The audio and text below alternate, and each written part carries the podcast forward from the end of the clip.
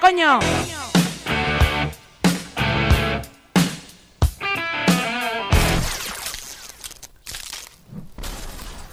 Hola, hola, hola a tothom. Tornem a estar aquí amb les ovelles negres de Donat. Madre mía, hoy estamos en overbooking. A saco. Hoy tenemos overbooking, avui tenim Sí, un munt sí. de convidats, no? Us voleu, es un día especial. voleu saludar, voleu dir alguna coseta, un hola, un algo, Bueno, lo nos que queráis. presentem primer. Sí, Hola, Magdalena. sóc Magda i bon dia a tothom. Qué guay, Eh, Hola, soy Manu y gracias por estar aquí. qué guay. Qué bueno, guay, y qué tenemos guay. aquí Miguel, que no que está de oyente. Y Elena también está de oyente, no?, en el programa. Sí, hola, bon dia a tothom, què tal?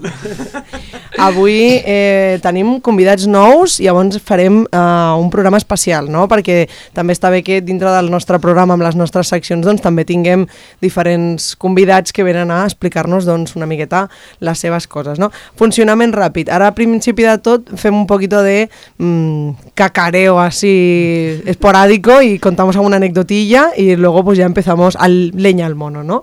Aquesta setmana eh, estic molt contenta, vale? així voy a decir estoy contenta, perquè avui vale, eh, tenim la festa Correfoc del 20è aniversari de Diablets, Timbaleres, Infernals. ¡Oh, qué guay! Sí, estem de... Yo no sabía de, nada. De fiestuqueo. ¿No te has enterado? No, tía. Pues Tanto este- trabajar. Estem de, de fiestuqueo perquè la- l'agrupació Vells Populars doncs, tenim aniversari, però tenim aniversari triple, quàdruple, no sé, hi ha un munt de colles que fan, fan aniversari i llavors, res, fem un petit correfoc que es durà a terme a la tarda, d'acord?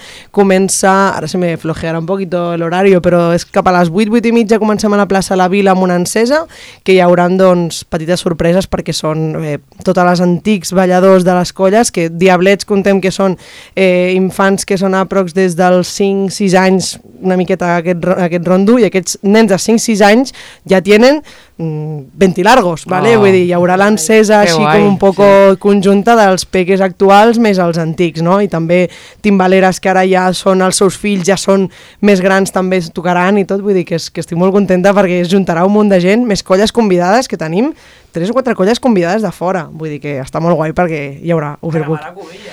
I toma! llavors Que està guai. bé perquè no, sempre tenim la festa a l'estiu i tal, i llavors poder-ho allargar a l'octubre, que estem ja, que pues, fa una miqueta més de fresc... Ja comença el fresquete. Avui, avui, avui ha començat ahir, ahir, va ser entre ahir. ahir i avui ha començat el fresquete, llavors doncs està molt bé perquè pues, poder fer alguna coseta així, i després a la nit doncs hi haurà una pequeña fiestuquilla així pequeñita, però bueno, guai també per donar una miqueta de caliu al no? I doncs estic contenta pues, por eso. Era una anècdota que em feia gràcia explicar, però bueno, vamos con eh, el tema, no? Un poco el que hem vingut avui amb el, amb el programa a parlar i, i bueno, doncs cedo un poquito la palabra a los compis, así que bueno, doncs endavant. Bueno, pues hoy tenemos aquí, mm, claro, Magda, yo la conozco desde, bueno, creo que ya me conoce, ha dicho hace un momento, desde antes que yo naciera, o sea que son, tengo 40, y- 45. Se sabe ella mejor tu edad que tú, ¿eh? Estaba haciendo como trampilla, ¿sabes? A ver si estaba atenta, y veo que sí. bueno, hoy los tenemos aquí, eh, traemos a la asociación 500 por 20 Costa Dorada.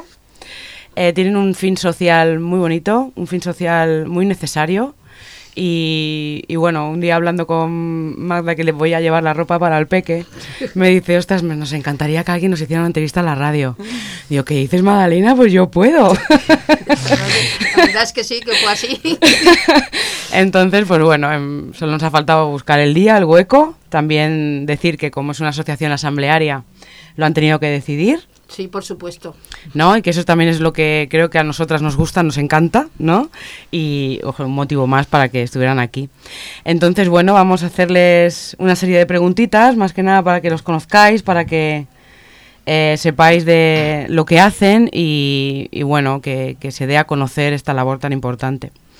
Eh, pues la pregunta primera obligada, ¿quiénes sois?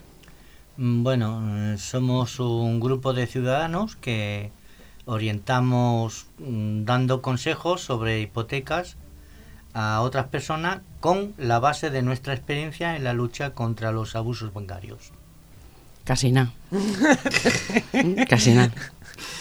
Y eso implica, porque claro, es lo que dice Cristina, casi nada. O sea, sabemos, por poco que hayamos visto un poco, ¿no? Que estemos un poco con los pies en la tierra, sabemos que eso no es tan No. muy fácil de decir, pero muy difícil de trabajar. Entonces, si una persona, ¿qué es lo que va a encontrar cuando vaya a una asamblea? ¿Qué, qué, qué, qué- a- al grupo de ciudadanos, ¿qué, qué va a encontrar? Pues nos va a encontrar a gente que por muchos años en la lucha ya, porque nosotros venimos de la PA, que ya lo conocéis, eh, pues tenemos la experiencia de los abusos bancarios, como pueden ser cláusulas abusivas, ahora tenemos el problema del Euribor que estamos intentando luchar por ahí a ver por dónde sale, porque lo que no puede ser es que una familia que en con unos recursos justos que se les vaya el salario en la mitad en pagar la hipoteca, entonces por ahí vamos ahora. Entonces se va a encontrar con gente, depende del problema que traiga, pues puede ser, pues, o sea, intentar ayudarlos, en, primero quitarles el agobio, porque lo que sí os podemos decir que la gente viene allí llorando, Vaya. no hace nada, dos semanas hace que vino un señor que se ha quedado viudo, que lo típico, ¿no? Llorando, que, que, que no puede pagar, que no puede pagar y que no puede pagar. Lo primero que hacemos es tranquilizarlo, que no es el primero ni el último que no puede pagar. Nosotros tenemos en la asociación gente que llevan sin pagar hipoteca más de 11 años. ¿Y Porque se han podido mantener en el piso? es que en el momento, por- ahí está el tema que os contaba antes de la, de la diferencia que teníamos con la paz. Si tú te vas de tu casa, pierdes la posesión. Mientras tú estás en tu casa, la posesión de, tu, de la propiedad no la pierdes. Y puedes siempre luchar. Y siempre hay armas. ¿Vale?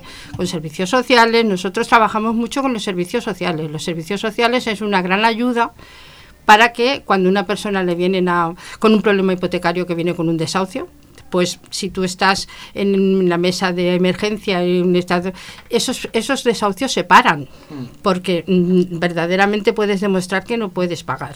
No, no es que no quieras pagar, es que no puedes. Y entonces eso lo demuestras. Y eso es lo que hacemos, darles armas para que esa gente pueda luchar por su casa.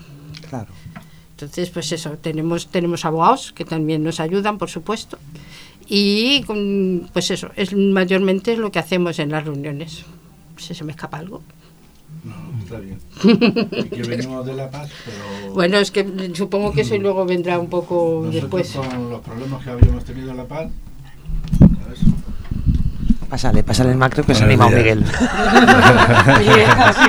Que al final Miguel al final ha hablado. Sí, lo que decía la compañera, que ve- venimos de La Paz, pero nos, tuvimos que salir de La Paz porque no, no, no conmovíamos con, con lo que ellos pensaban. Porque ellos lo que pensaban, lo que tienen en mente siempre es dar la acción en pago. Perdón. Y nosotros eh, es al revés, es ayudarles que se mantengan en sus viviendas y que luchen por ellas.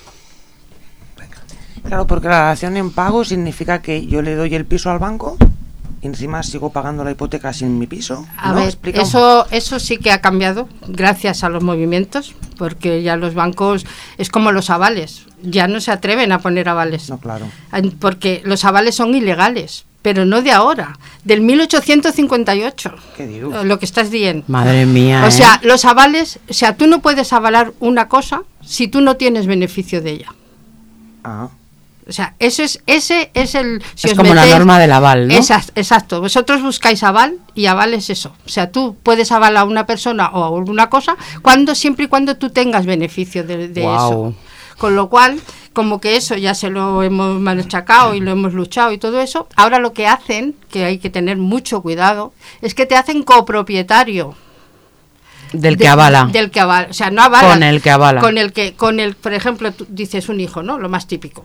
Que yo aconsejo que ni a un hijo se le avale, sinceramente. Pero bueno, eso ya supongo que hay que ser un poco madre y de todo, empezando por mí, que yo no sé si sería capaz de hacerlo. Pero bueno, es lo que hay. Si como que aval no pueden poner, ahora los bancos lo que te ponen son copropietarios. Y resulta que no solo eres tú, sino que implicas a, todo, a toda la gente que, te, que, te- que en teoría, como dice, es que yo he avalado por el 60%. Eso no es verdad, eso no existe. O sea, pues eh, para que yo lo entienda, eh, perdón, eh, pero entonces un aval solo lo podría hacer sobre un negocio. claro, por supuesto. O no, o si tú vas a tener beneficio de, Claro. ese, de ese aval. Con una operación en la cual tú puedas tener Claro, beneficio. pero es que la vivienda es un derecho que en teoría no tendrías porque, es decir, no es un bien de consumo. Ah, Ahí Ahí está. está, ahí, es- ahí es Ahí donde está. está. ahí es donde Ah. está, ahí es donde está. O sea, por eso no, no, no, eso era, eso era un engaño de los muchos más que nos habían metido en las hipotecas cuando se hacían en, entonces. ¿Vale? Vaya. Entonces, Y además que esas personas luego, si tú no puedes pagar, han tenido que. claro, claro, claro. O han perdido el piso con el cual avalaron. Claro, sí, sí, todo eso, todo eso es una estafa y un, y un robo a mano armada, o sea, todo eso ya ahora está como que bastante más controlado, pero en el 2008, que es cuando vino toda la crisis, mm, eso era, eso era el pan de cada día, o sea, familias enteras Vaya. destrozadas, o sea, y bueno, de ahí salió el movimiento y de ahí salió todo, y bueno, ¿Dirías que ahí se creó la asociación o cómo se creó? La, la asociación se creó a raíz de que nosotros tuvimos problemas con la PA, porque la PA, mm, ya os dijimos que van por dar con las naciones. Nosotros, gracias a, a un periodista que conocimos que ya no está, que se llamaba José Manuel Novoa, él nos ayudó bastante. eh, que, es, que nos explicó esto, que los, lo de los avales no eran legales y que las daciones no, en el momento que tú das la dación al banco, pierdes la posesión de tu casa, con lo cual ya no puedes luchar por ella, La propiedad. la propiedad. O sea, en el momento que tú pierdes la posesión de tu vivienda, ya no puedes luchar por ella. Ya sí que mm, vienen todos los problemas, porque tú ya no, mientras que mientras tú estés en tu casa, tú puedes negociar y luchar por esa casa. Tú puedes no pagar porque no puedes, pero bueno, o sea, hay, hay otras armas y otras cosas que se pueden intentar para poder salir de- de la situación. Entonces, ¿desde cuándo entrasteis en la PA y decidisteis iros? No, nos echaron. la palabra clave es que nos echaron. Nos estamos, nosotros est- eh, fundamos la asociación en el 2015. 2015. Es cuando Pues casi lleva 10 años ya. Sí, nosotros llevamos ya muchos años con 500 por 20. A nosotros nos apadrinaron mm, 500 por 20 Barcelona, ¿Y 500 ven- por 20 por qué? ¿Qué, porque algo? significa eh, que se pedía entonces 500, por- 500 viviendas por un 20% de tu salario que pudieras pagar en un alquiler. Oh. De ahí salió el 500 por 20. Ah, Y nosotros, pues nos apadrinaron mm, 500 por 20 Barcelona, que todavía existe, está por Pueblo Nou y por ahí. Y ellos nos, ellos nos a- y nosotros apadrinamos a 500 por 20 Garraf, Mm. que están ahí en, en Vilanova. Y bueno, y somos, tenemos un 500 por 20 en Sevilla, tenemos un 500 por 20 en Valencia, que todo eso ha sido a raíz por las redes, se ponen Claro. en contacto con nosotros y bueno, y vamos ayudando a la gente y ellos se van. claro, y entonces encuentran asesoramiento de abogados, Sí, ¿no? tenemos Legal. abogados, sí, sí, por supuesto, tenemos Todo es gratuito. No, los abogados, pero vamos, precios módicos, ¿eh? Porque mira, el otro día no sé cómo fue que vino una señora y nos dijo, es que, digo, pero es que necesitas, para todo esto necesitas un abogado. Y dice, uy, pero yo es que no puedo pagar. Digo, pero es que tú piensas que un abogado a nosotros, nuestros abogados, una cita le puede costar 30 o 40 euros, no le, van a, no le van a cobrar más. Y luego, pues a razón. O sea, un procurador hay que pagarlo, porque eso sí que no tiene, pero el abogado mm, puedes negociar un... Y además saben la situación que tenemos, o sea, la gente que, ve- que viene aquí no es que diga voy sobrada, con lo cual... Claro. Bueno, son abogados que ya tienen su negocio Exacto. aparte y al final es como, Son activistas, como son esta abogados vía activistas, social, claro. claro. y no sé. Y mm, ay, ahora yo iba a decir una Nosotros olvidado. queremos dejar claro que nosotros no cobramos nada. Eso era, eso es la pregunta que iba a hacer Nosotros no cobramos nada, nosotros somos, Claro. mm, o sea, lo hacemos todo pues en plan activista. Tenemos un local que gracias a Porque supongo que también vosotros o habéis pasado por la experiencia o habéis tenido gente muy cercana que ha pasado por la experiencia y estáis eh, yo me excluyo, pero los dos compañeros que tenemos aquí están en Claro. esta situación, o sea, Hay experiencia de... Claro. claro, tenemos mucha experiencia. Claro, supongo que por eso cuando una persona que viene desbordada, porque yo me pongo en la situación de que sé que me quieren echar del piso porque no puedo pagarlo, pienso, madre mía, y cuando encuentras a alguien que ha pasado por unas circunstancias parecidas em, o iguales, ¿no? Pues encuentras ese apoyo, ese Lo primero que te enseñamos es que el banco no es tu amigo. No, claro, pero lo parece, ¿eh? Cuando vas. Porque últimamente hay bancos que parecen Nescafé cuando entras. o el sea. banco, el banco te- hay que dejar bien claro que el banco es una, es una tienda de dinero. Y lo que quieren es vender dinero. Y punto, no hay otra cosa. O sea, es- esa es, la, esa es la, la normativa del banco. Con lo cual, lo primero que te hacemos es, olvídate de ese amigo que te dice yo te voy a ayudar y te, ahora te doy más para el coche y para no sé cuánto, porque cuando nosotros hipi- y- y pedíamos una hipoteca, además te daban el, el doble, pero ¿sabéis por qué? Porque ellos sabían que ese dinero que, que os- nos daban ya estaban con una... Ellos tienen una garantía.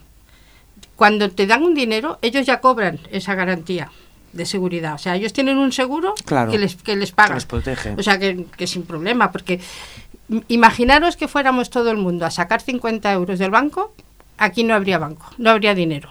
Los bancos no tienen dinero, juegan con el compra y venta.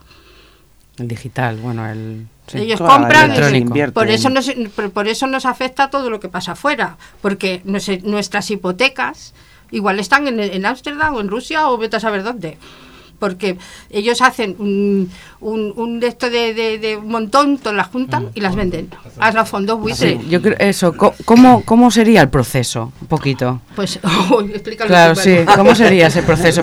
Porque estáis aquí hablando y a mí me está costando como hilar, ¿sabes? Como que... Claro, es que nosotros hablamos con, con- con- con esa seguridad que parece que lo, que, que lo explicamos. Em, Venga, Manu. Sí, men- menos más, menos más. Descanso un poco más, por favor. A ver, eh, cuando nosotros cogemos, o sea, pedimos una hipoteca, el banco nos da el dinero y tal, pero esta hipoteca nuestra, junto con otras miles de hipotecas, ellos la agrupan y la venden en trocitos a fondos de inversiones, generalmente fondos buitre o a, o a otra gente que invierte para tener beneficios. Entonces, esta hipoteca nuestra est- está fraccionada. Entonces, lo mismo, mi hipoteca, por ejemplo, puede tener una cuarta parte, como has dicho, en Rusia, otra en Japón tal. Y nunca puedo saber, mm, en realidad, dónde está mi hipoteca porque está cortada a trocitos. ¿No? Y ellos lo que hacen es eso, cogen un grupo de hipotecas, las venden y sacan el beneficio. Es que ni siquiera el propio inversor sabe qué tiene, ¿no? Exacto. Exactamente, exactamente, porque eh, eh, al inversor lo único que le interesa es recibir participaciones o las acciones o lo que y- sea. Y, y el interés que le puede dar eso, o sea, el ganar dinero. Pero no sabe de dónde viene. No, no, no, eh, compra global. Claro, Ahí- entonces cuando hubo toda esa, esa movida del tema inmobiliario, entiendo que había mucho dinero invertido por no Claro. sé dónde, cayó no sé qué y nos Exacto. afectó en las hipotecas, ¿no? Porque- exactamente, exactamente. Ya lo hemos entendido. Bueno, no lo sé, más o menos. Porque al final como es todo como, como que te queda muy alejado, no pensar Sí. que tu hipoteca al final ese dinero está invertido en Ámsterdam Y que no o lo en sabes, Senegal, ¿no? no sabes. Piensas que es el banco el que lo tiene, el fondo buitre te pesas. Yo me imaginaba así, en mi ignorancia, un, un fondo buitre que era, pues, como, no sé, como un ente, ¿no? Como una organización, como SL, ¿sabes? Yo Sí, qué sé. sí, sí. Y lo tenían ahí, uno lo, pero claro, así, eh, es que tú no puedes ir a reclamar nada. No, a ver, el banco aún te sigue reclamando a ti el dinero, pero... Ya lo ha cobrado. Exactamente, como ha dicho la compañera, lo ha cobrado por una parte, luego lo ha vendido, ha cobrado por otra parte y aún así, aún nos Está están pidiendo el dinero a nosotros y lo están cobrando otra tercera parte. O sea, lo- los bancos nunca pierden, eso está No. claro. Y yo tengo una pregunta entonces. em, porque uno de los problemas que tiene el Estado español entiendo yo que es el- el- el- la vivienda pública, ¿no? Porque esto sí, es decir, el parque público de España es muy reducido en comparación con otros países. Estamos en manos del privado, no del mercado. Si esto revertiera, por ejemplo, y, y las viviendas encontraran la manera de poder ser desde la parte pública y no desde la parte del mercado, ¿esto variaría? Claro que variaría, pero el problema es que todo el mundo, empezando por todo, o sea, están metidos en la misma burbuja, con lo cual Forman parte del problema. Exacto, forman parte del problema. Y no se sí que es cierto, sí que es cierto que hay ayuntamientos más o menos de izquierda que están intentando cuando se hace una obra nueva, pues coger un X pisos, ¿no? Pero mm, dentro de es una minoría para lo que en realidad hacemos falta. Claro. A ver, ¿y, y qué político va a hacer Ahí, eso? En contra de, No, En contra del mismo, poder económico. ahora mismo complicado. claro, y tan complicado. Bueno, un valiente, no, una, Hmm. un- No. una valiente. un O un- descerebrado. O un insensato que iba insensato. detrás. Sí, sí, pero lo que está claro es que algo tiene que cambiar, porque lo que no no lo que no puedes hacer es que la mitad del sueldo o más de tu sueldo de la mitad Exacto, ese, se exacto. te vaya a una hipoteca o un alquiler. O que reclames algo que ya, que ya, que ya te han pagado. Exacto. O sea, al final no.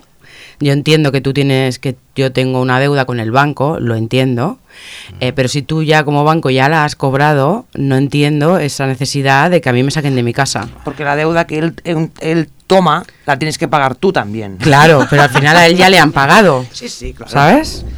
Es como que yo, eh, el otro está también teniendo de beneficios de intereses. Claro, es que al final, como siempre, ¿no? Somos unos pringados. ¿Y, y cuántos casos lleváis ahora más o menos en la asamblea? ¿Cuántos casos hay? Pues eh, somos unos cuantos. Somos, somos unos 100 miembros, pues calcula que pu- pu- tenemos ahora ya dos o tres mm, resueltos, pues el- el- entre medio todos así bueno, por el- en el aire. y, y hay otros en proceso. Y o hay sea, otros que en proceso. Están todavía en los juzgados, o sea que hasta que no salga la orden de desahucio, pues no podemos actuar.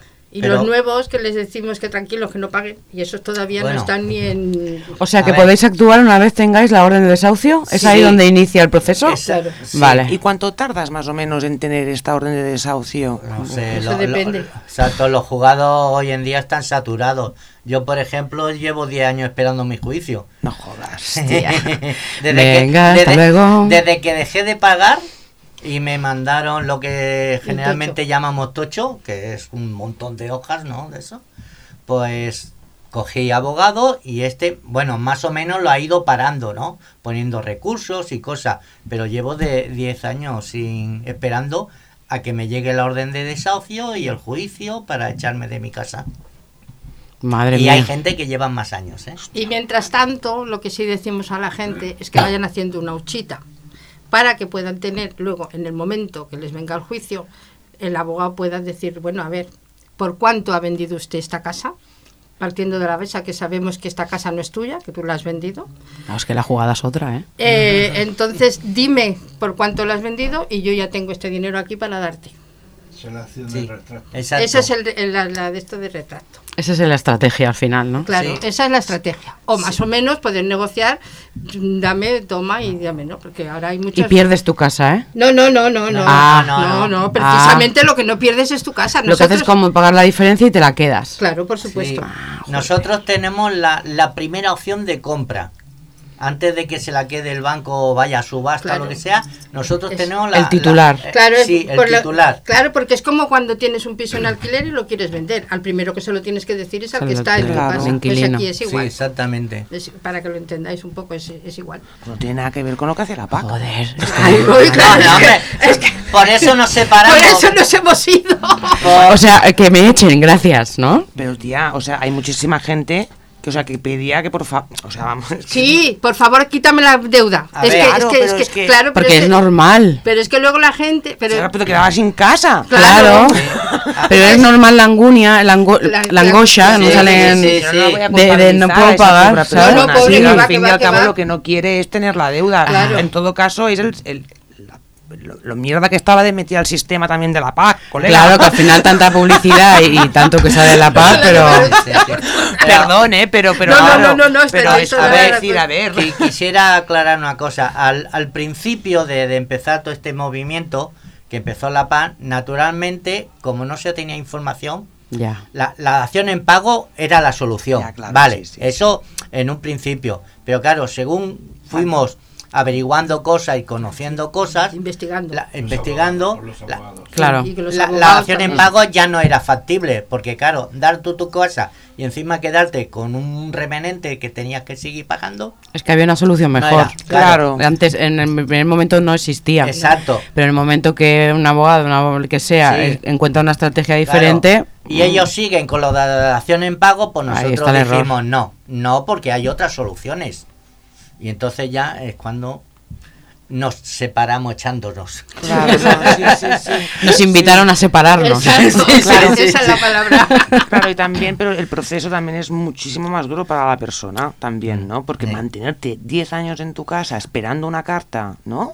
Como- Bueno, a ver, eh, Yo es que en- no en- Pero es en- mejor que no, que no Sí. estés en casa, ¿no? estás en tu casa ya, pero... A ver, en mi caso hay dos partes. Yo soy una persona muy tranquila y no es que me entre por un oído y me salga por otro. Naturalmente estoy agobiado, pero me lo tomo con más tranquilidad. Lo que peor lo lleva es mi mujer, que ella sí que está nerviosa cada vez que pica el timbre. pues, Claro. Digo, eh, tranquila. Si Sí. tenemos que ir, nos vamos, no pasa nada, son cuatro paredes. Que es tu vida, que has estado pagando. Pero total, es mejor tener salud y si pues nos tenemos que ir de alquiler, pues nos tenemos que ir de alquiler. Si vamos a casa de un familiar, nos vamos a casa familiar. Pero bueno, estamos y como ha dicho la compañera, se va haciendo una ochita y llegado el momento, pues eh, se hará lo que se tenga que hacer. Claro, porque es, eh, en realidad eh, no es un ocupa de un lugar que no es mío. No, Eh, exacto. exacto. Es un ocupa de un lugar que es mío Eh. y que me quieren quitar a alguien que ya ha cobrado por Exacto. tres veces. Claro. es que no sé. Claro, pero no se, no se puede considerar ocupa. No, no, me No, refiero. no, no, no. Claro, claro. Bueno, Ocupante de su casa sí, en todo exacto. caso. Pero el discurso fuera, Ya, ¿sí? ya, pero- Está de Es- ocupa. es- Sí, sí, sí. sí, sí. Apa- aparte, perdona, si vas al registro de la propiedad, aún está a tu nombre la casa, Claro. no está a nombre del banco ni de nadie más. Es que Está no lo pueden nombre. cambiar. Exactamente. No, o sea, no sigue siendo tu casa, ¿eh? es tu casa todavía. sí. Vaya. Es tu propiedad, la tienes que ceder tú, de forma expresa. Ujú, Exactamente. Es eso.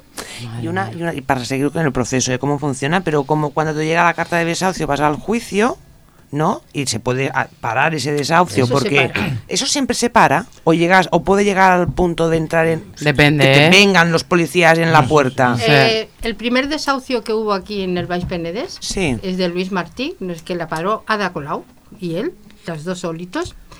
Este señor lleva ya 15 años viviendo en su casa y ha parado ya 7 desahucios y sigue estando en su casa. Es una lucha contra el sistema. Es a una full. lucha. Sí, sí, sí. O sea, lo demás se queda como sin sostén, ¿no? Esto es una lucha contra el sistema, como, o sea, agarrado de las cadenas de mi casa. Y tanto. No, no, es que, es que además es, es que es lo que tienes que cambiar, que dices, yo no me veo, es, es cambiar el chip. Sí, no, claro, al final si Es te pasa te ves en la lucha, o y, sea. y piensas, es mío Sí, y esto sí. es mío y no me lo va a quitar nadie. Y como yo tengo armas para poderte demostrar que es mío, que ya no es tuyo, pues ahí voy. Y a por, a por todas. ¿Quién decía antes que habían 300 desahucios diarios al Sí, día en, en es- España. Sí, sí, en España? España, España. 300. Sí, sí, o, o más, más o menos la, la cifra ronda por ahí. Lo que pasa es que las, las noticias, los telediarios, las revistas estas televisivas de las presentadoras famosas, pues no, no le dan bombo y platillo, porque no interesa. Entonces, Muchos es eso. Ah, eso también, perdón, perdón. Pasar el micro. y muchos Bueno, Miguel suicidios. comenta que muchos, claro, es que hay, es- Es que hay- hay- hay Bueno. gente que se ha ahorcado, se ha tirado por el balcón, Sí. vamos. De- yo recuerdo uno, no sé si hará dos años o así, en Sans, creo que fue una persona, ¿no? Que iban a, Sí, me suena a mí también. y, Mm, y- en, Cor- en Cornellá también. También. se Y te diría que en. Vilafranca me suena alguno también. Y, Claro. y eso y eso no, no se da en las noticias y porque no interesa. Ya. Vale, entonces, recapitulando. Yo, a mí me llega una orden de desahucio y yo voy a 500 por 20. Sí. No, ¿Vale? tú vienes antes. Tú vienes Ah. en el momento que no pagas, porque a ti la orden de desahucio no te va a venir hasta que no lleves sin pagar la tira. Ok, o sea, en el momento que yo ya tengo impagos, Pues claro. Ya puedo ir a la Tú asociación. puedes venir a la asociación siempre que quieras a informarte, a colaborar, a empoderarte, para cuando te llegue el caso estar empoderada, que es lo que hacemos también. Vale. Y entonces, una vez dio contacto con la asociación, Sí. no cobráis nada a los socios, nada. pero sí que como que una, sí que es bonito, ¿no? Como una dedicación, Exacto. ¿no? Sí que es- os gusta que haya como una dedicación de esos socios. Exacto. Es, es que no sé si se llama socio o Un qué. saber está en la asamblea. Es un compromiso, Como un com- lo que como un pedimos compartir, un como un estar, ¿no? De que tú, por ejemplo, te vas a empoderar para que, pues no sé, comprando el pan, oyes a una compañera que te están diciendo, pues fíjate, no he podido pagar, y aunque te metas, le dices, perdón, ¿te puedo ofrecer mi ayuda? Porque eso lo he hecho yo. ¿Vale? Entonces, mm, es eso, es lo único que pedimos, el compromiso de que, de que, te, de que te empoderes, que es lo más importante. Si es que, de, en resumidas cuentas, es, es, es enterarte un poco de cómo están las cosas, y nada más. Uy. Y eso y estar, venir a las reuniones porque cada día salen cosas nuevas, cada día salen juicios. Nosotros tenemos un chat y ahí siempre ponemos las cosas de los de, de- de- de juicios, de, de cosas. La- las nuevas leyes que van saliendo. y ahora todo, está, está muy de moda lo de la ley de la segunda oportunidad o de las buenas prácticas, que eso está sirviendo también de mucha ayuda para personas con problemas que, que, que dejan de pagar o que, o que pueden negociar con el banco, pues lo de las, las buenas prácticas. Miguel, explícalo tú eso, que eso a ti te va mejor que a mí. Venga. Miguel, Miguel, ¿no? Sí, venga, Miguel, hombre. Miguel. No, Miguel, es que Miguel se emociona. Entonces, las no. segundas prácticas, yo esto sí que no sé lo que es. Necesito que alguien me lo explique. Manu, venga. Bueno, las buenas prácticas, como antes hemos comentado, eh, a base del- de los movimientos que hicimos, mm, metiéndonos los bancos y parando el socio, al final eh, el gobierno hizo que los bancos hicieran un- como un Reglamento. un reglamento hay papeles. de haciendo como que ayudaba al ciudadano de que se comprometían a no hacer ciertas cosas o a no incluir ciertas cláusulas en, en- en los contratos de hipotecarios. Mm, No sé si eso se cumple mucho en los bancos, pero, muy está. enfocada a la cláusula suelo, ¿no? ¿O no? Sí. Eso ya está superado. Vale. No, la cláusula solo Las hace años que la Ahí Unión la Europea ya ya la, la barrió, o sea, Vale, vale. pero es eso, o sea, el código de buenas prácticas, nos comprometemos a no hacer esto, nos comprometemos a hacer, pero bueno, del dicho al hecho Hay un trecho. hay un trecho, ¿eh? o sea, eso es eh, más o menos el código de buenas prácticas. Y luego está lo de... mm, Vale, yo tengo una pregunta, si- a lo mejor no es un poco No, no. dentro tampoco del tema, ¿no? Es yo ya como como persona, es que no quiero decirlo feo, ¿no? Pero como persona joven que aún no se ha independizado, bueno, tengo 25 años, yo vivo con mi familia aún, no tengo tal, ¿no? Pero sí que es verdad que tengo con- bueno, amigos y, y gente cercana que sí que pues con sus parejas quieren pues independizarse, tener un piso para ellos y tal. Un poco qué recomendaciones o alguna cosa les podríais dar así un poco por encima, ¿no? Decir, ostras, porque yo tengo un, conocido, ¿no? Que, que ya ha cogido una hipoteca para poder tener el piso a no sé cuántos años, a no sé qué, y yo lo veo que por su situación laboral y todo, puede ser que llegue un momento en el que diga, hostia, es que no me da, es muy joven y no le da para todo. Lo primero, leerse la hipoteca, que seguro que no se la ha leído.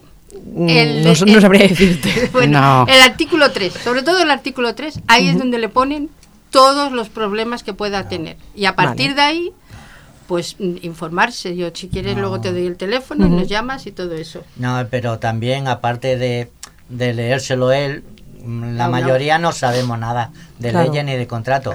Llevarlo, Yo diría a un abogado. También, Sí, también, exacto, también. llevarlo a una persona que entienda, que entienda y que le diga exactamente qué es lo que ha firmado o qué es lo que va a firmar. ¿eh? Claro, más que nada es el hecho de que vosotros que por desgracia estáis en el otro lado de la moneda, Mm. del tener que ver como la situación ya ha llegado a un límite que es insostenible, no decir, ostras, no puedo pagar mi casa, mi hogar donde vive mi familia, no, un poco el decir, ostras, vu- vuestra, vuestra asociación al final también sirve un poco de prevención para esas personas que tengan Sí, duda, sí, ¿no? Que una supuesto. persona que no tenga esta clase de problemas, ¿no? Por ejemplo, si ahora yo fuera y tuviera el inicio, ¿no? De todo el proceso de tengo una hipoteca, de momento la puedo pagar, esta gente podría acudir a vosotros Y para tanto, informarse y y, un poco de prevención, ¿no? También un poco que tanto. también hablamos de la, de la parte ya una vez estamos ya metidos en el- la catástrofe, pues ahora vamos a mirar el- la prevención de cómo no llegar aquí, ¿no? Porque evidentemente nadie quiere encontrarse en una situación en la que no pueda, ¿no? Al final es como, ostras, Pues yo no Quiero decir- ser un pájaro de mal agüero, pero vamos por el camino de volver a tener otra burbuja inmobiliaria. Ya. Por Sí, tal como ve. vamos. O, Se sea, ve. o sea, estamos viendo exactamente lo mismo. Es que se ven las grúas. O es que sea, se que es que mm, José María Novoa empezó a ver el problema cuando vio tantas grúas aquí en el Baix Penedès, porque este señor era de Vilanova y él decía, no puede ser, no puede ser, no puede ser, y mira al final por dónde salió, ¿no? Y ya como vemos ahora, pues yo pienso que va a pasar. Ojalá, ojalá me equivoque por toda la gente joven que se está metiendo, pero yo veo otra burbuja inmobiliaria sin tardar mucho, porque esto no, no puede acabar bien. O sea, es que es como que, que tenemos que cambiar un poco el chip de cómo compramos casas, ¿no? O cómo... Cambiar eh, El chip en el sentido de que yo, yo he firmado hipotecas sin leérmelas y, y Claro. soy, soy Claro. abogada, ¿eh? Como Y, y-. ¿Vale? Y, y, ostras, porque la he podido pagar. He tenido aval de mis padres, porque ha podido salir bien y estuvo a esto de no salir bien. O sea, ya os lo digo también. Pero es como que que yo siempre digo, todo lo que firmes léetelo, pero es verdad que una hipoteca es súper heavy, lo que te dan es un momento que te cita ahí el notario con el banco y, y firma, firma, firma, firma, y no te da opción a leerte nada. Es como cambiar ese chip y decir, bueno, vale, yo ahora tengo unos días para poder leerme ese documento. Eso es nuevo, eso también lo hemos conseguido. Punto uno, que si yo tengo la que firmar el día 5, puedo tener a lo mejor el documento el día 1 y puedo ya haber pedido cita con el abogado que me lo mire, no sé. Y ir como con un poquito más de conciencia, ¿no? Que a veces que vamos como... como, y vamos un poco a contrarreloj, ¿no? Sí. Del decir, hostia, yo no, no me he encontrado en la situación de tener que estar en una, en una cita ya con el léetelo al momento, un tocho de documentos que te están mirando Es a la es así. Y claro, yo, yo lo, lo máximo a lo mejor de responsabilidad, sonará feo, ¿no? Que he hecho ha sido firmar un contrato de trabajo. Y ya que son tres hojas, y esas tres hojas ya han sido un mundo para mí, decir, ostras, léete la letrita pequeña, cosas que no entiendes, te da puro preguntar, porque dices, oye, si quedo de tonta y no me, no me contratan o lo que sea, O de desconfiada.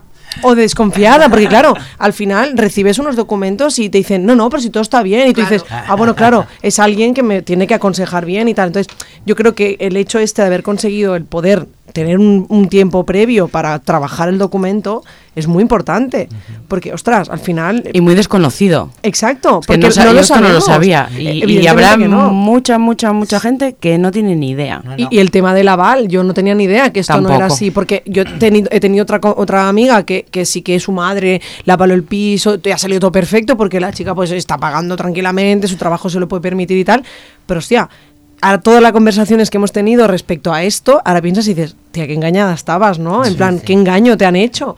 Y claro, Lavado cerebro, a ¿no? a Claro, y es el desconocer todo esto, a lo mejor pues esta, este tipo de información eh, permite poder mm, de alguna manera, ¿no? Eh, El, el decir, hostia, pues ahora ya si voy a enfrentarme a esta situación, ya voy a ir con tres o cuatro ideas de decir, "No, aquí no me vais a engañar. Claro, a prevenir. Correcto, es una prevenir prevención, que no, ¿no? pase. O sea, los que ya estamos metidos en el ajo, estamos metidos en el ajo.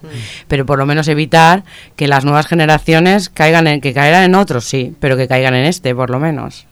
Sí, ¿no? sí. Y los que estamos metidos en el ajo, Cris, lo importante es saber lo que tienes en ese papel. Eso es muy importante que lo sepamos, porque ahí hay muchas cláusulas que pueden ser muy abusivas. Ya. El, el de esto de vencimiento anticipado, el que te- tengas una, un- una hipoteca con un con un arresto de arriba para abajo que no que no es lógica, tienes El un- IRPF. el IRPF que eso ahora todavía está en Bruselas, pero que ya viene. Entonces hay una serie de cosas que en las que estemos todavía metidos en las hipotecas tenemos que saber lo que significa y lo que tenemos ahí entre manos. Por eso es bueno, pues eso, lo que dice Cris, informarte, ir a un abogado, sobre todo un abogado que entienda, porque no, por desgracia no todos los abogados saben. O sea, No, hombre, que cada uno tiene su sector. Exacto, cada, cada abogado tiene su especialidad, por eso dices, lo primero que tienes que hacer cuando te viene un desahucio, porque claro, hay gente que viene ya cuando tiene la carta, es irte a buscar a uno al, al, al juzgado y allí te dan uno de oficio. En ese momento se para. Pero ese abogado de oficio, pobre mío, a lo mejor lo que lleva bien son divorcios o son otras cosas. Los temas hipotecarios no lo sabe. Con lo cual, a continuación, tienes que irte a informarte a un lado y buscar un abogado que esto lo tenga como de mano que ellos, igual que un laborista, que digo yo, uno de, de como de- yo qué sé, deciros que está estudiando siempre, estos también, los que llevan estos casos siempre están pendientes de, de cosas que salen nuevas y de cosas por donde pueden atacar. Hay una cantidad de abogados en toda España que están con, configinados, ¿no? Y entonces ellos son los que entre, entre ellos ayudan y, y pueden buscar siempre mm, soluciones nuevas a los, a los problemas. Porque está en constante cambio, ¿no? Al final Claro, todo, claro, todo sí, sí, claro, cambio. todas estas Es cosas que os estamos contando, todas Claro. estas cosas han sido a base de cambios. Claro. O De sea, hecho, yo os quería preguntar sobre la nueva ley. Es decir, ¿no tiene que haber una nueva ley o ya se está aprobando una nueva ley sobre la vivienda? Está, En- está, en ello. pero está en está en ello. Pero todavía no hay nada No claro. ¿Habéis escuchado alguna sí, cosa hemos que os escuchado, parece eh, que... en- o sea, lo que está diciendo la Yolanda Díaz está muy bien. El problema es si lo va a poder llevar a la práctica. Porque aquí tenemos el sindicato de yugatés de Vilafranca, que está intentando, o sea, toda esta gente, y eso va a ser muy complicado por lo que estamos, porque todo el mundo está metido en el sistema. Entonces eso va a ser a base de lucha. Pero yo me imagino que algo, algo se podrá sacar. Pero hasta que no tengamos gobierno y todas estas cosas, pues está todo en el aire. Pero lo- no, no, pero la verdad. propuesta que lleva Yolanda... Para empezar, ¿no? Para empezar. Que no sabemos. Eso, eso sí tenemos la suerte de que, de la suerte entre comillas, de que salgan ellos, porque como salgan los otros. No, la yo- suerte, la, suerte. la- Sí, Sí, porque claro, sí, es sí. susto muerte. Exacto, es susto muerte, exacto, tú lo has dicho. No te preocupes que la gente que nos oye no está a favor de los otros. Eso es, oye, y si están a favor de los otros, peor para ellos. Sí, al final cada uno decide, ¿no? Sí, sí, Esa- cada uno de, exacto. Vale, ¿y dónde se encuentran? Estamos en Segur de Calafell. En el tenemos un ayuntamiento entre comillas bastante majo. Nos ha dejado un local que es- eh, Oh. estamos viendo la playa. Oh. Estamos donde sí, es Para que os verdad. entretengáis con las olas. No, no, pero te relaja. Mira, cuando viene así persona con, como os estoy diciendo, muy agobiados, lo ponemos mirando al mar y se, y, y se va calmando entre lo que le decimos y lo que ve. Pues tenemos un local en Segur de Calafel, en el puerto, donde está la biblioteca. Eh, y vamos los- en el centro, Monse Civic se llama. Montse. Civic. El Centro Monse Civic. En el, exacto, en el Monse Civic. Y ahí vamos los lunes de 7 a 9. Y puede ir a la asamblea quien quiera. Exacto. Toda la gente que quiera ir, toda la gente que esté interesada, toda la gente que quiera empoderarse, toda la gente que esté... Es que tenemos aquí a Manuel que le va dando... es el... ¿Cómo es? Ese que se pone en el teatro ahí. Que... El- Habla tú, Manuel. a ver, eh, puede venir todo el mundo que, que quiera a escucharnos y a pedir consejo. Y aparte eh, tenemos una página en Facebook que Vale. si pones 500 por 20 Costa Dorada, pues ahí podrá ver... ¿Hay la- contacto, hay teléfono o algo así, un email, algo? No, más bien la- las noticias que vamos Vale. recabando tanto por internet como uh, por los abogados que tenemos y tal, y lo vamos colgando ahí. Y en Instagram, pues también es 500 por 20, eh, guion bajo, costa guion bajo, daurada.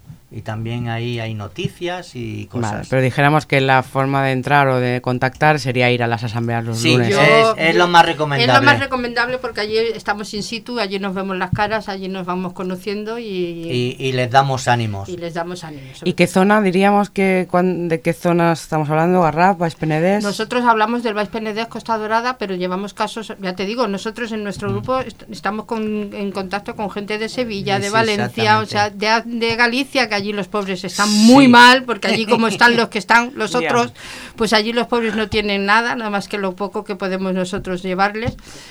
Pero eh, llevamos todo, ya te digo, nosotros en contacto estamos con Vilanova y desde Vilanova para acá. Mm, o sea, si viene gente con otro problema de otro sitio, informarle los podemos informar. Quiero decir que no tenemos nos llamamos Costa Dorada por ser por ser de donde somos, pero no porque estemos ubicados solo aquí, ¿no? Si O viene sea, alguien de fuera. Claro, o sea, la gente que venga de fuera puede venir a recurrir a vosotros Sí, para tanto. poder decir, mira, pues nosotros ahora mismo aquí no, pero te podemos mandar con gente de Sevilla o lo que sea. Nosotros aquí no va a ser muy difícil, porque la explicación y empoderarlos y explicarles lo que nosotros sabemos, nuestros conocimientos se los vamos a dar. Lo que pasa, incluso le vamos a decir los abogados, porque nosotros tenemos abogados que llevan casos de Sevilla, desde aquí, quiero decir que... mm, el- el- si le es más cómodo, más cerca de su Exacto, casa, más que nada. Claro, claro. Lo, lo donde no los vamos a mandar nunca es a La Paz, eso que quede claro. Ha quedado ni al banco, ni al banco ni al banco. Al banco no, el Vale. banco es el enemigo, o sea, está claro. Solo- Y antes, ah, Perdona, solo un pequeño inciso. Eh, nosotros damos consejos sobre hipotecas y a veces mm, sobre alquileres. Lo que Eso no Sí, lo que no lo que no defendemos nunca es alquileres a particulares. Porque eso es perjudicar a una persona que tiene una segunda vivienda y que un ocupa se mete eh, en una casa de, de un particular. Hablamos de bancos. Sí, Claro, exactamente. yo la pregunta que os iba a hacer es esa, que, que antes lo preguntaba Elena, ¿no? Tema alquileres también, ¿no? Sí, claro, Sí. que alquileres... Pero siempre con as- es Sí, la que hay- particularidad que ha dicho Manuel exacto, ahora. Exacto, que, que se meta eh, en un eh, o sea, en un piso, en un chalet, en una casa que pertenezca al banco, nunca a un particular.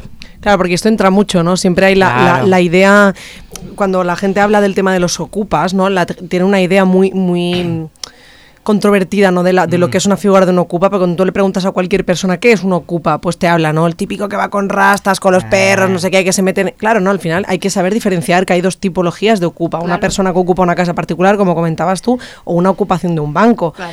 Que, que cada uno puede tener el, aspecto que quiera, ¿eh? Que yo Sí, esto ha sí, quedado sí, aquí como la idea genérica No, que no, siempre se ha tenido de la ocupación, ¿no? Del decir, son zarapastrosos que se meten en El perro cualquier flauta, lado. el perro De toda la flauta. vida, Perdona, claro. tú Ya, te- que va, que va, que va, que Hay va. ocupa, hay ocupa con K y ocupa con C. Por Esa favor. es la Por eso, por diferencia. eso, por eso. Sí, pero un momento también, vamos a ver. el Ocupa es un movimiento social Sí, de hace sí, sí, muchísimos sí, por años que, no- que tenía su, su, su vinculación a ocupar edificios privados, Ahí- ¿no? de ahí de voy- montar centros. Es, es que, es que, es, Eso es es. que- es Con que C, eso con es, K, es que, es venga, que, vale. es que, Que es que queremos nosotros. Claro, Claudia decía como que la opinión de, de fuera, Lo ¿no? que De- pasa es que eso siempre te los venden, si os ocupáis cuando han desahuciado algún edificio social, siempre ha salido la parte del otro lado, la derecha, diciendo que si estaban ahí, que si estaban, que no sé cuánto, y luego estamos los otros que defendemos que Claro. gracias a ellos han habido esos servicios sociales Correcto. para la gente, que, que normalmente son cosas para niños, para gente bibliotecas y tal. Entonces, eso es lo que queremos. Y, noso- y por ejemplo, el problema que tiene un chaval joven ahora para coger un piso de alquiler de mil euros, Es que, a ver. Sí, encima sí. te piden que tienes contrato de trabajo, que no sé, que tienes que tener un contrato, pero que no te valga de ahora, tiene que tener una antigüedad del trabajo. Tienes que pagar tres meses de no sé cuánto. sí, Se te va para poder meterte en un piso de alquiler pues, como mínimo seis o siete mil euros. No, es de compartir. Ahora ya para solo eso coges la compartir. hipoteca ya, ¿no? Claro. Sí, claro, exacto, exacto. Que por lo menos el piso es tuyo. O sea, es que ese es el problema. Es que esa es la lógica en la que entramos al final. Claro, Claro. es esta. Es lo que nos... Es, es- es lo que quieren ellos. Toda la es vida- quieren. en esa lógica. Y lo que nos... Se va y se viene, ¿eh? El micro, no sé si solo es el mío. No. Ah, vale, pues nada, perdonar, ¿eh? Corramos un tupido velo. La cosa es que siempre nos han dicho eso. Claro, Mejor compra porque así es tuyo. es tuyo. Que lo que pagas, es, el alquiler es a fondo perdido. Aunque sea 30 o 40 años, es igual. Te, Ah. te- te- te sacrificas la vida y no vives, pero es tuyo. Es tuyo. Después, Ya. claro, eso tenía mucho sentido cuando tenías hijos o pasabas a la descendencia como herencia, pero yo que no voy a tener. No, bueno. Vaya pérdida de Para mí, tiene, eh, a mí, claro, a mí me lo. Yo tengo una madre que viene de donde viene, mi abuela pasaba hambre, entonces la propiedad era muy importante en mi casa. Entonces, eh, mi madre era una de las que me lo decía. Y, y yo lo he hecho, y bien, a mí me ha salido bien, ¿eh? Pero podía no haberme. Pe- Pero, pero no solo a ti, es decir, eso es una política Correcto, española que es viene de un momento eso. determinado que quiso decir, oye, que toda la gente, que tenga, Sí, ¿sabes? es una genera dos o tres generaciones. Bueno, las que sean de Mm. propiedad, porque eso sí. da dinero. sí, Porque tú quieres una casa, la que es en propiedad, y dices, bueno, la segunda residencia, que también sea de propiedad. sí. Exacto. Y así hago negocio con esa de segunda, ¿no? Mm. Bueno, La especulación. Sí. No es un bien de, de consumo, no, y debería es- serlo. También es el error de cuando se habla, cuando no se sabe. ¿Sabes? Y cuando no está regulado. Sí. O cuando está regulado de una forma, en- dijéramos que con, con- con mala fe. ¿Sabes? Que Ahí es donde tú no sabes. Sí, que solo favorece a unos cuantos. Claro, lo de sí, bueno, capitalismo puro y duro, no estamos ahora de nuevas. No, no, no, exacto. Al final es esto, pasa en todos los ámbitos. Antes se decía lo del contrato de trabajo, digo, pues yo me he leído 100 mil millones de contratos de trabajo, pero no me leería una hipoteca. Así que claro te lo digo. Es que no, ya, pues que, qué palo. Claro, o sea, al final yo, yo hago un poco una reflexión externa, ¿no? Quiero decir, d- somos bastantes desconocedores de muchísimas de las cosas que nos rodean al final y creo que es muy importante de que pongamos un poco de cabeza en este sentido, ¿no? Quiero decir, sí que es verdad que vivimos en una, en una vorágine de, de rapidez, de todo inmediato, de mucha felicidad, ¿no? Y, y al final es lo que decíamos, el, el banco evidentemente que siempre sabemos que el banco no es amigo, ¿no? Porque tú lo sabes, pero este el, el- el camelo que te hace, Te ¿no? El- claro. Fua, Te- te caramelo, el Y, Claro, boli, y al menos antes te daban una sartén cuando Sí. hacías la hipoteca. Ahora es que ni Claro, eso. claro, claro. dices, ostras, es que ahora cualquier cosa que hagas vas y dices, hola, mira, tal, vas con todo tu desconocimiento y es como como, pues sí, como buitres, ¿no? A lo de, hostia, es una presa fácil, vamos a por ella, ¿no? Y además es Y- así de claro. Claro, yo me acuerdo, este, este amigo que yo hablaba, digo, él fue no sé cuántos días al banco, no sé cuántas veces, porque es muy es miedoso en este sentido, ¿no? Y, y claro, la cosa era como, vale, voy, hoy me ha contado una película, pero es que mañana me atiende otro y me cuenta otra película, pero es que luego el siguiente me la cuenta de otra manera y dices, es que no me estoy enterando de Es nada. La inseguridad total. Claro, entonces llega un momento en el que has ido ocho veces al banco a que te peguen el rollo tantas veces que dices, venga, sí, esto mismo, ya está. Sí, sí. Y aquí es lo donde caemos todos, que es es, la que negocias el porcentaje, no el, el Euribor, el no sé qué, no sé cuánto, y ya está, ya lo has negociado todo. Bueno, y, y conceptos muy básicos Mm. como el, el tema de lo que es el IBI, de lo que es el no sé qué, de lo que es el no sé cuá- y Hay mucho desconocimiento de esto, porque yo realmente no me puse a parar a entender lo que, lo que era el IRPF, por ejemplo, en un contrato, no, esto ya estamos hablando de otra cosa, ¿no? Pero eh, en el trabajo yo no llegué a entender lo que era el IRPF hasta que me, pe- me pegaron el primer hachazo en el trabajo. Claro, ahí nos hemos enterado todos.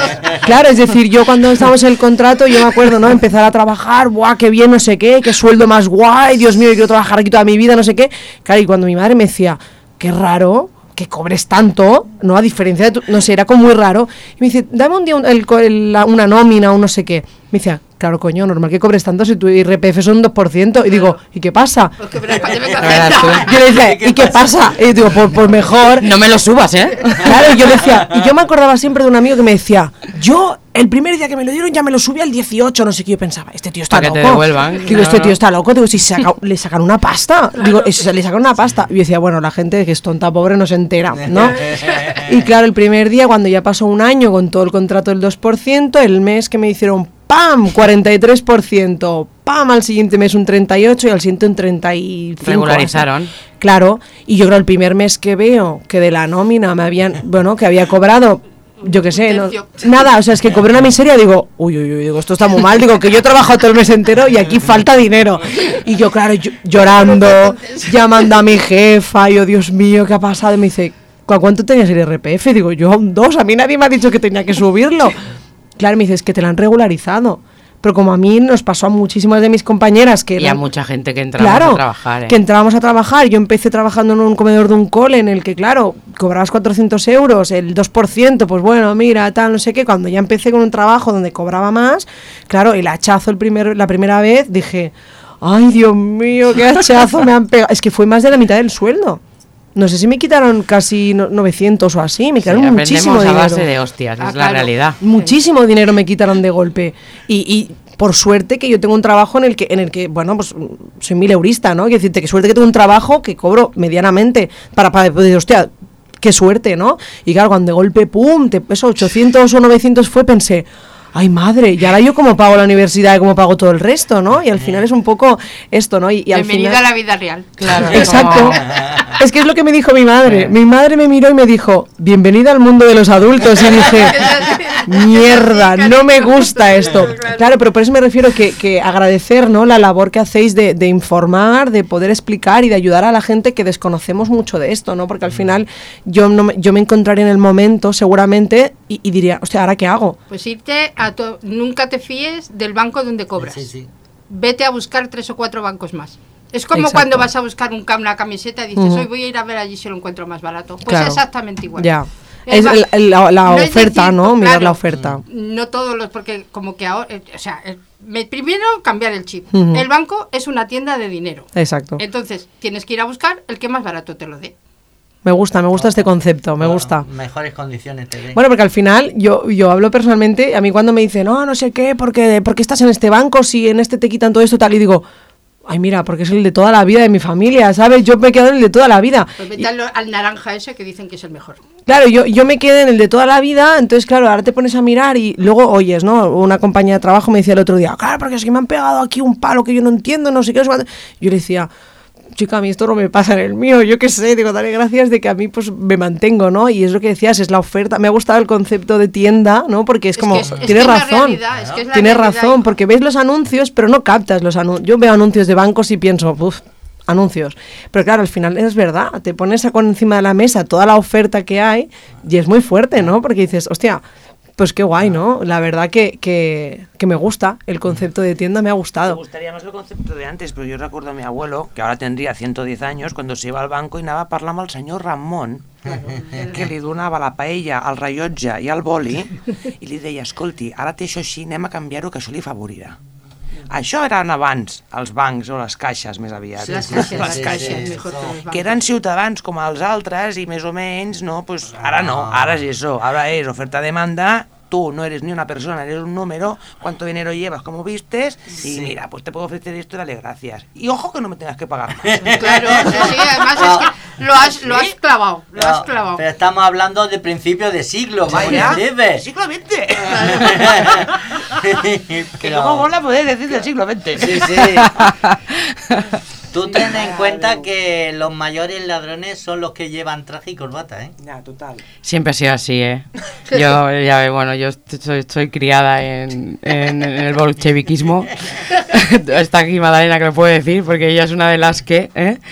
Y la verdad que yo quería agradeceros eh, este baño de realidad. Yo me pasa como Miguel, me emociono. Porque si no, no nos enteraríamos.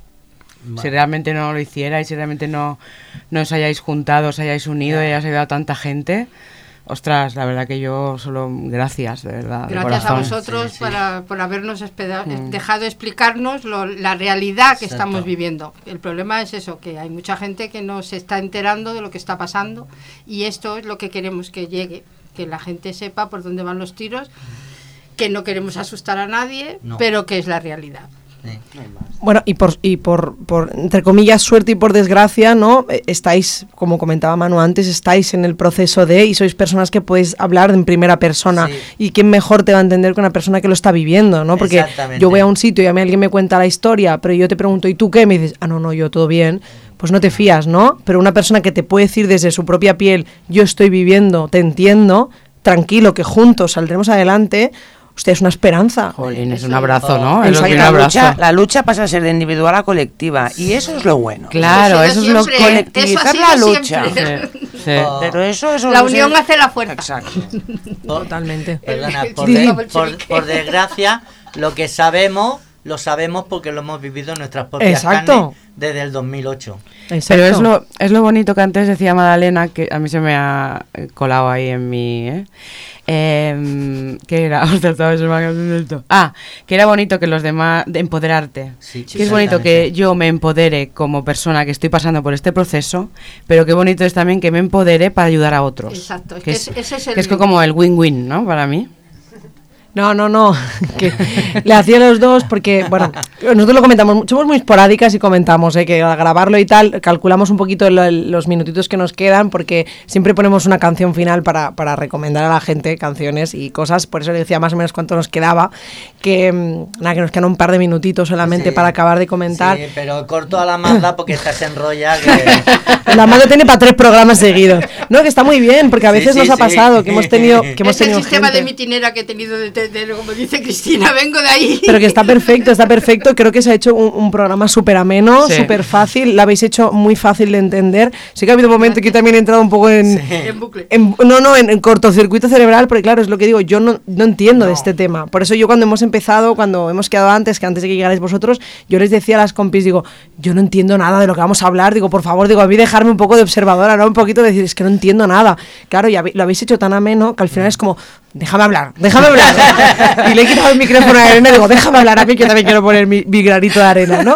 Entonces, nada, pues simplemente eso, como decía Cris, agradeceros mucho que hubierais venido, que, que ofreceros el espacio las veces que queráis, Sí. cualquier cosita que tengáis de novedad, pues estaremos encantadas de que volváis a venir, porque, porque el, el final lo que hacemos con este programa nuestro es un poco lo que decimos nosotros gamberrismo, ¿no? Un programa gamberro y un programa eh, cañero que pueda contar pues eh, la realidad que vivimos, ¿no? Que por desgracia muchas de las realidades que vivimos son estas y que mejor contadas que gente de primera mano, que no nosotras que a veces traemos eh, na- Noticias y cositas de Claro, yo contamos noticias y contamos cosas, pero que mejor que una persona en primera mano te pueda decir, mira, pues pam, pam, pam, ¿no?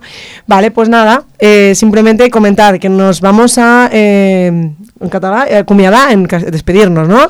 Eh, ens acomiadem amb una, amb una cançó, que a mí me hace mucha gracia, porque es una canción muy friki, es muy graciosa, porque es un grupo nuevo de, de chicos que... que sa- no, es diu, es diu Fades, el grup. Fades. És un grup que es diu Fades. Que no és, faves, eh? Que no faves, és, són fades, de hades, no? Que és una, una cançó que es diu Catalonian Girls. Ah, ok, vamos. Que és una on. cançó en, cata en barreja entre... És un català i alguna castellà també solta, crec. Però és una cançó molt graciosa que espero que us agradi. I nada, pues 500 nos, ens acomiadem, ¿no? Y nos despedimos y muchísimas gracias por venir. Y nada, pues siempre decimos que cuando acabamos decimos eh, visca las ovejas negras, ¿no? Ahora, siempre y, y para siempre, ¿no? Pues muchas gracias y nos vemos prontito. Cuando Visca. queráis, Estamos a vuestra disposición y visca las urellas negras. Visca. ¡Visca! Visca.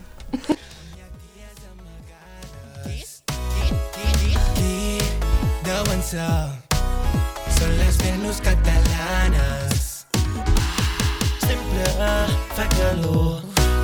Mig davall una palmera. Coco tothom es trenca el coll volen veure el meu tresor.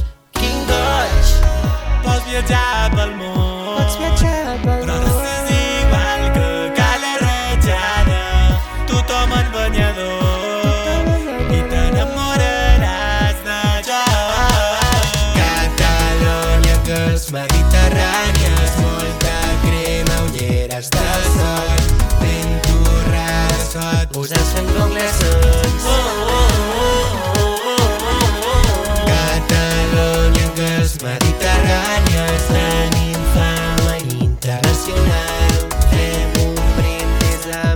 oh, oh. Sol i platja, molta arena. La mama sent gamberra, de Gandia fins a Barna. Tots els nins són xocolata, vull dir horxata, vull dir encimada. Suca-ho, toca-ho, pa amb tomàquet. Les fadetes a la furgoneta i en cal la cara cremada